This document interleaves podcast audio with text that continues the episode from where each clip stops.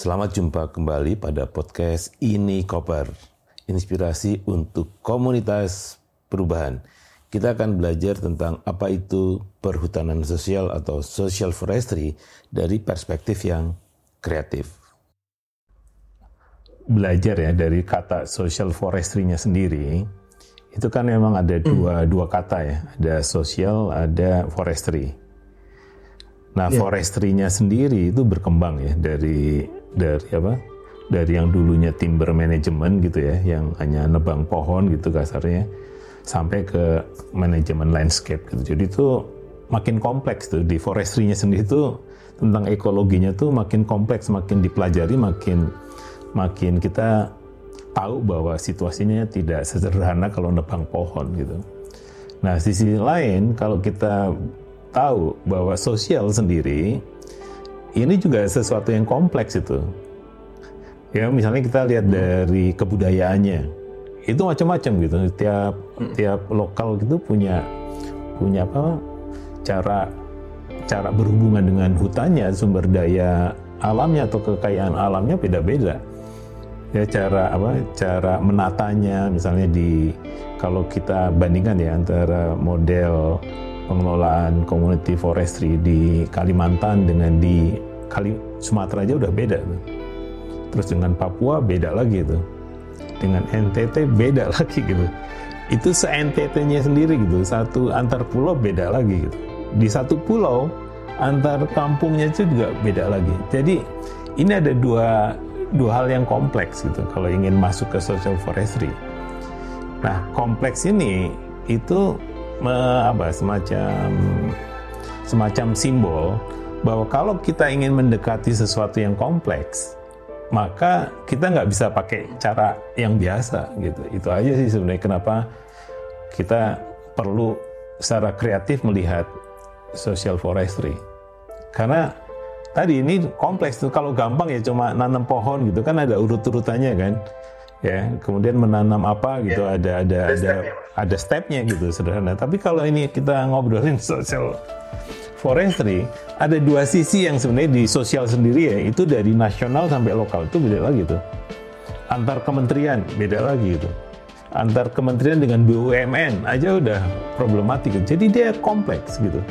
Karena memang social forestry sendiri dari penamaannya sendiri Firman itu juga unik kan? Nggak ada kan social fishery gitu. Atau social agriculture itu nggak ada gitu ya kan? Nggak ada perikanan sosial gitu. Nggak ada pertanian sosial. Nggak ada peternakan sosial. Di sini menarik kan? Kenapa ada perhutanan sosial gitu? Kenapa nggak ada yang lain gitu? Perkebunan sosial nggak ada gitu. Itu sesuatu yang nggak ada kedokteran sosial nggak ada. Iya jadi di sini ada sesuatu yang yang yang sebenarnya dibalik ya dibalik kata-kata itu itu pertempuran ideologinya kalau menurut saya kompleks. Oke okay, sejarahnya kompleks forestry kompleks sosial kompleks.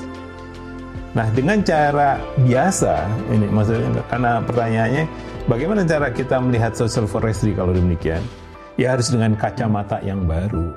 Harus dengan kacamata yang baru. Baru kita bisa melakukan sesuatu untuk social forestry. Karena social forestry didekati oleh apa saja. Misalnya contohnya ya itu kemarin kan ada aturan baru ya KHDTK atau apa gitu ya untuk pengelolaan hmm. di Jawa gitu.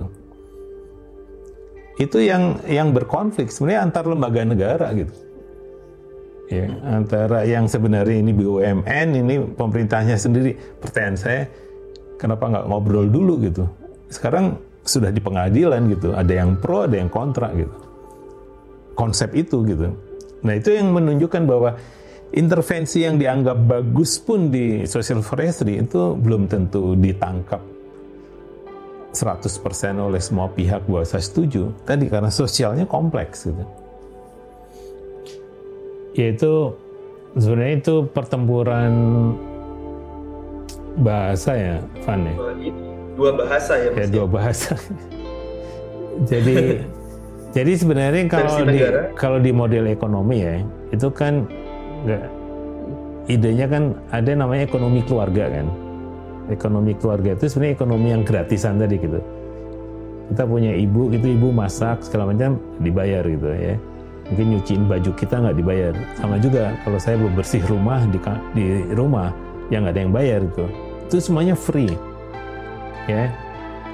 Untuk si keluarga supaya supaya apa? Supaya supaya apa? sejahtera berkelanjutan gitu. Jadi ada tugasnya saya bersih kamar mandi, saya besok cuci mobil segala macam itu ada bagiannya semua tuntas gitu. Nggak ada yang dibayar. Nah di sisi lain ada ekonomi pasar gitu, yang semuanya itu harus dibayar. Di ekonomi pasar tuh ya nelpon aja bayar gitu, ngajak ngobrol aja ada berapa iya. jam satu jam bayar gitu segala macam. Atau saya di diminta menjadi fasilitator itu juga harus di di apa di dibayar gitu. Nah, jadi semuanya itu dihitung gitu di model ekonomi pasar gitu.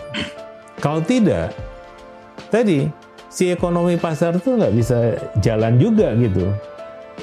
Karena kalau banyak yang nggak dihitungnya, ya dia nggak nggak efisien gitu. Oleh karena itu supaya efisien semuanya dihitung gitu. Kalau di kelebihan ya ini terlampau mahal, jangan dilanjutkan dengan proyek ini. Jadi hitung-hitungannya gitu aja, hmm. ya. Nah, ada yang namanya ekonomi komunitas. Di tengah-tengah nih, ekonomi komunitas itu antara ekonomi keluarga dengan ekonomi pasar. Kalau di pasar itu kan kita nggak bisa nawar. Coba aja ke mall gitu, bisa nggak nawar? Tolong dong turunin harganya seribu aja. Bisa berani nggak? Nggak bisa kan? Semuanya itu kita yeah. percaya pada sistem itu gitu. Kita nggak bisa nawar. Dan padahal kan ini uang saya gitu. Saya kan harus tahu gitu kenapa ini harganya lebih mahal dari yang ini gitu padahal cuma beda merek semuanya sama segala macam warna sama cuma be bisa beda 100 ribu atau satu juta dan dan sebagainya ya karena ini branding gitu dia kan nggak masuk akal gitu di model di di model ekonomi semacam ini karena dasarnya efisien gitu karena efisien lah ekonomi pasar itu menjadi gede seperti ini sekarang gitu Nah, ada yang namanya ekonomi community ini. Ekonomi community ini adalah di dalam interaksi mereka di komunitas itu macam-macam. Ada yang barter, model, modelnya lama lera kan. Ya antara yang laut dengan gunung tuh barter gitu. Barter minyak apa dari paus itu ya untuk menjadi minyak di pegunungan. Yang pegunungan bawa sayur macam-macam hasil bumi dipakai untuk orang-orang di pantai untuk makan dan sebagainya tuh. Jadi di sini sebenarnya modelnya ada barter, ada modelnya kooperasi, ada modelnya macam-macam gitu, ada arisan misalnya ada segala macam gitu.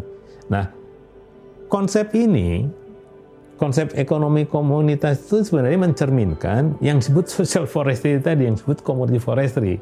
Jadi commodity forestry itu bukan forestry keluarga privat, bukan juga publik yang apa namanya yang disebut private company tadi yang gede-gede gitu tapi dia antar itu gitu. Jadi dia bukan bukan bukan perusahaan juga, bukan apa karena perusahaan private kan. Dia kan kekeluargaan sebenarnya. Ada ada jiwa sosialnya tadi di di apa perhutanan sosial. Nah, jadi memang betul, Pan, memang harus lebih gede dari perhutanan sosialnya program pemerintah karena program pemerintah sebenarnya mentok di kawasan apa? Ya di kawasan hutan yang menjadi tanggung jawabnya mereka. Tapi ketika dia keluar produk, produk itu kan keluar ke wilayah yang non hutan. Di situ kan bergerak macam-macam gitu. Jadi memang social forestry nggak bisa hidup hanya oh kamu ketika udah keluar dari kawasan hutan lo harus bayar gini dong, kamu harus pakai teknologi ini dong. Ya gimana coba? Nggak bisa kan? Jadi memang harus beyond beyond beyond perhutanan sosial dalam konteks kawasan negara itu ya. Jadi di sini yang sebenarnya akan muncul community forestry itu ya antara produsen dan konsumen gitu. Itu yang yang apa yang akan kuat gitu. Misalnya ada konsumen progresif ya di kota-kota besar gitu. Hanya mau makan dari produknya social forestry gitu. Nah itu gimana tuh? Dia dia social forestry bukan? Kan nggak diurus oleh KLHK. Dia diurus oleh yeah oleh sektor lain gitu. Kalau saya misalnya musisi gitu, inspirasinya dari hutan-hutan social forestry. Itu kan nggak diatur oleh KLHK. Ya, saya punya aplikasi gitu, yang kemudian social forestry lebih mudah, lebih untung pakai aplikasi saya.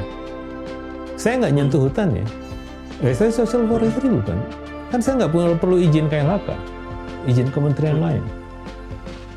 Jadi ketika dia menjadi ekosistem, nggak mungkin sebenarnya itu masuk ke perhutanan sosial dalam konteks program. Dia sudah menjadi gerakan kebudayaan, gerakan bisnis besar, gitu. ekosistem.